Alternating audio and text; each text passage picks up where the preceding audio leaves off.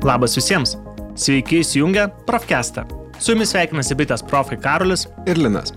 Šiame ir kituose mūsų epizoduose kalbėsime apie technologijų pasaulio naujienas, tendencijas ir aktualijas.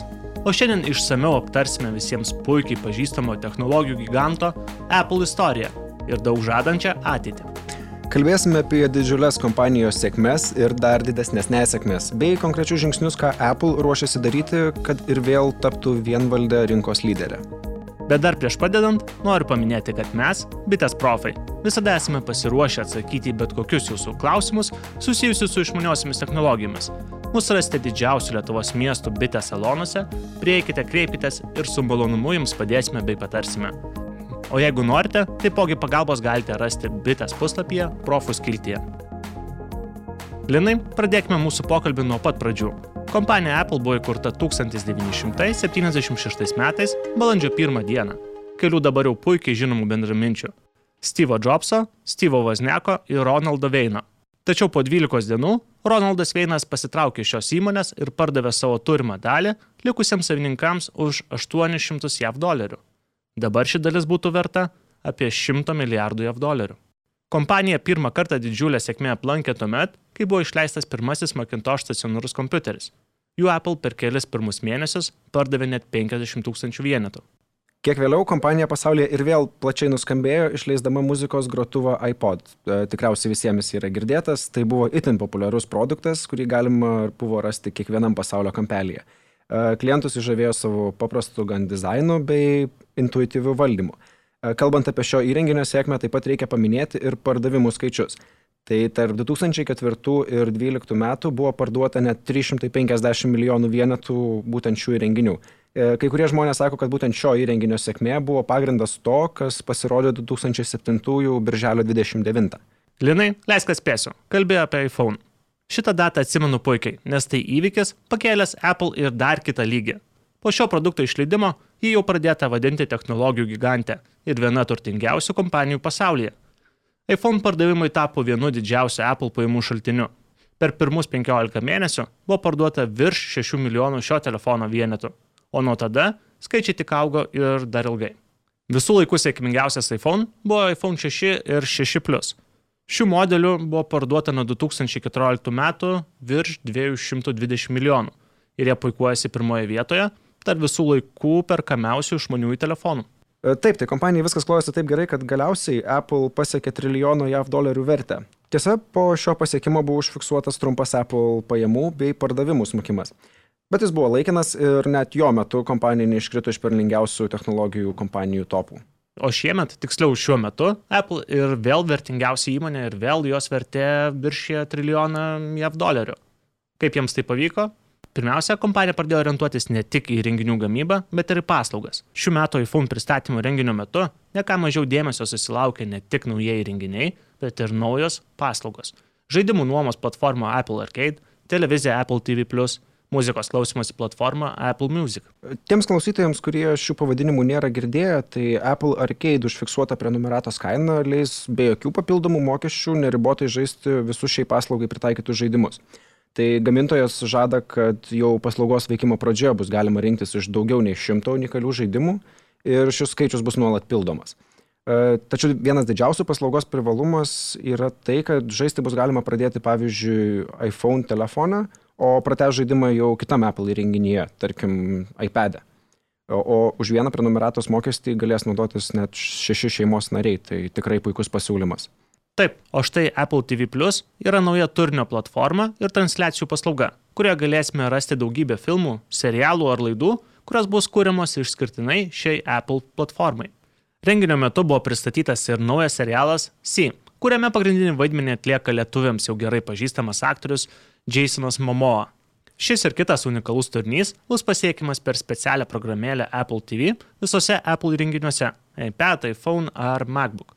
Taigi tendencija aiški. Kompanijos dėmesys krypsta į naujas paslaugas bei patogesnio turinio vartojimo užtikrinimą. Taip, sutinku, e, tačiau būtina pabrėžti, kad produktų Apple taip pat neapleidžia. E, tame pačiame renginyje pristatyti ir naujieji telefonai. Vienas jų e, daug dėmesio, tikrai, tikrai daug dėmesio sulaukęs iPhone 11. Jis jau spėjo tapti itin sėkmingu produktu ir vos per mėnesį įrodė, kad vartotojai nori lengviau įperkamo iPhone telefono. Tiem, kas, kas nežino, tai primenu, kad šis įrenginys kainuoja apie 800 eurų, kai kiti nauji Apple telefonai bent 1100 eurų. Tokių iPhone 11 pardavimų skaičių kompanija net nesitikėjo ir jau teko padidinti šių telefonų gamybos apsukas ir kiekius. iPhone 11 tai viena populiariausių praėjusių metų modelio iPhone 10R atnaujinta versija. Nors ekranas išliko tokio paties dydžio ir technologijos, korpusas lygiai taip pat iš aliuminio, o nugarėlė iš atsparaus susibraižymams stiklo, tačiau šis įrenginys gavo visiškai naują procesorių - A13 Bionic. Visiškai teisingai. Šis procesorius savo greičiu stipriai lenkia konkurentus, jis gali pasigirti itin greitų įrenginio veikimu, na, tai tikriausiai niekieno nestebina, kadangi tai yra visgi na, naujausias Apple procesorius, bet tuo pačiu jis dar gali ir puikiai grafiką žaidimuose pasigirti, kameros vaizdo apdorojimu ir, na, tuo pačiu energijos resursų paskirstimu. Taip pat telefonas laikys valandą ilgiau aktyvaus naudojimuose nei iPhone 10R iPhone 11, kaip ir ankstesnių metų modelį, turi itin saugią veido atpažinimo funkciją. Tiesa, šiame modelėje jinai veikia sklandžiai žiūrint į išmanųjį net ir kampu ir taipogi daug greičiau atpažįsta. Jisai lygiai taip pat yra atsparus ir vandeniui bei palaiko belaidžio krovimo funkciją. Bet didžiausias šio išmanio atnaujinimas, lyginant su ankstesnės kartos modeliu, tai yra dviguba kamera. Be pagrindinio objektyvo čia dar rasime itin plataus matymo kampo.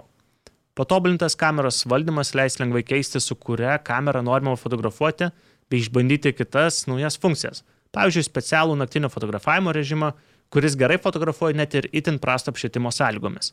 Apple itin akcentavo ir telefono filmavimo galimybės. Jis gali filmuoti net 4K raišką 60 kadrų per sekundę. O dar smagiau, kad nufilmuotus vaizdo įrašus galima itin paprastai redaguoti, lik nuotraukas. Tikriausiai pastebėjote ir šiokią tokią naujieną. Prie kitų išleistų naujų Apple telefonų yra prierašas Pro. Tai, na, ką jis reiškia?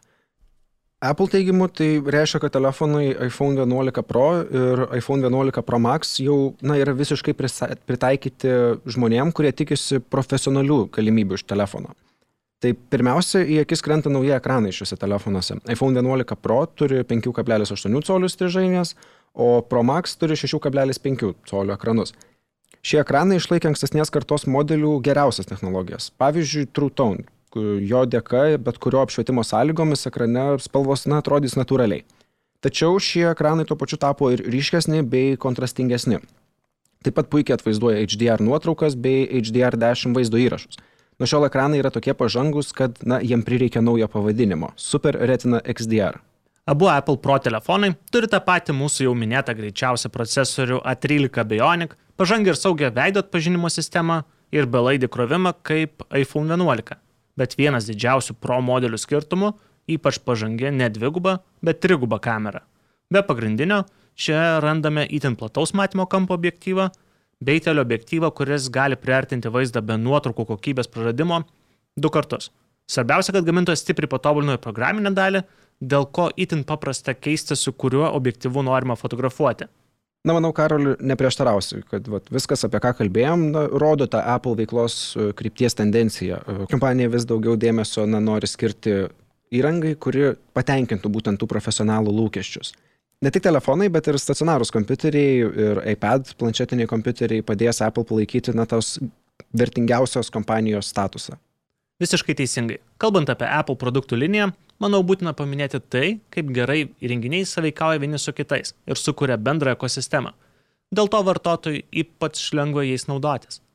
Todėl niekiek nestebina, kad renginio metu be pristatytų paslaugų naujų ir iPhone įrenginių, kurių net yra tokie, kurie pirmą kartą gavo Pro vardą, buvo pristatyta ir daugiau. Pavyzdžiui, pačio populiariausio pasaulyje planšetinio kompiuterio iPad atnaujinta versija – Šis septintos kartos iPad įrenginys išlaikė puikiai pažįstamo dizaino liniją, tačiau gavo naują 10,2 colių retina ekraną, palaikantį net ir įvesties rašiklį Apple Pencil. Taip ir e, nuo šių metų e, iPad įrenginiai turi unikalią operacinę sistemą vadinamą iPad OS, kuri yra na, specialiai pritaikyta šių planšetinių kompiuterių erdviems ekranams. Ji leidžia patogiai naudotis keliomis programėlėmis vienu metu, jas greitai perjungti, redaguoti vaizdo įrašus ir atlikti daugybę užduočių, kurias įprastai galima atlikti tik su nešiojamu kompiuteriu. Tiesa, e, šis planšetinis kompiuteris turės ir specialią jungtį, kuri leis prijungti ir dėkliuką klaviatūrą ir naudotis nuo šio įrenginiu kaip įprastu nešiojamu kompiuteriu. Be iPad renginyje šiemet buvo pristatytas ir penktos kartos išmanusis laikrodis Apple Watch. kuri žada būti vienu iš pažangiausių ir patogiausių žmonių laikrodžių rinkoje. Visų pirma, šis laikrodis nuo šiol turės Always On retina ekraną, dėl ko ekranas galės e, niekada neužmigti ir visada rodyti laiką bei svarbiausią informaciją. Atitinkamai gamintojas patobulino ir energijos paskirstimo procesus, dėl ko net ir su nuolat įjungtu ekranu laikrodis išlaikys 18 valandų arba, kitaip sakant, visą dieną. E, taip, tačiau būtina paminėti, jog ir renginio metu buvo akcentuojami Apple Watch e, sveikatingumo sprendimai, e, tarp kurių buvo ir širdies ritmo ir jo sutrikimų stebėjimas. Apple ir toliau plečia sveikatingumui stebėti skirtų laikrodžių funkcijų spektrą. Naujasis Apple Watch stebės ir aplinkos triukšmo lygį, bei atliks širdies bei judėjimo analizę. Na, įmonė tiki, kad tai padės ne vienam apsisaugoti nuo galimų sveikatos problemų. E, taip pat šis išmanusis laikrodis turi ir integruotą kompasą, kuris leis na, pagerinti kai kurių funkcijų veikimą, pavyzdžiui, navigacijos. E, taip pat naujasis Apple Watch gavo ir na, daugiau saviraškos sprendimų. Galima rinktis iš daugiau korpuso spalvų, bei na, įrankių pasirinkimas yra daug platesnis.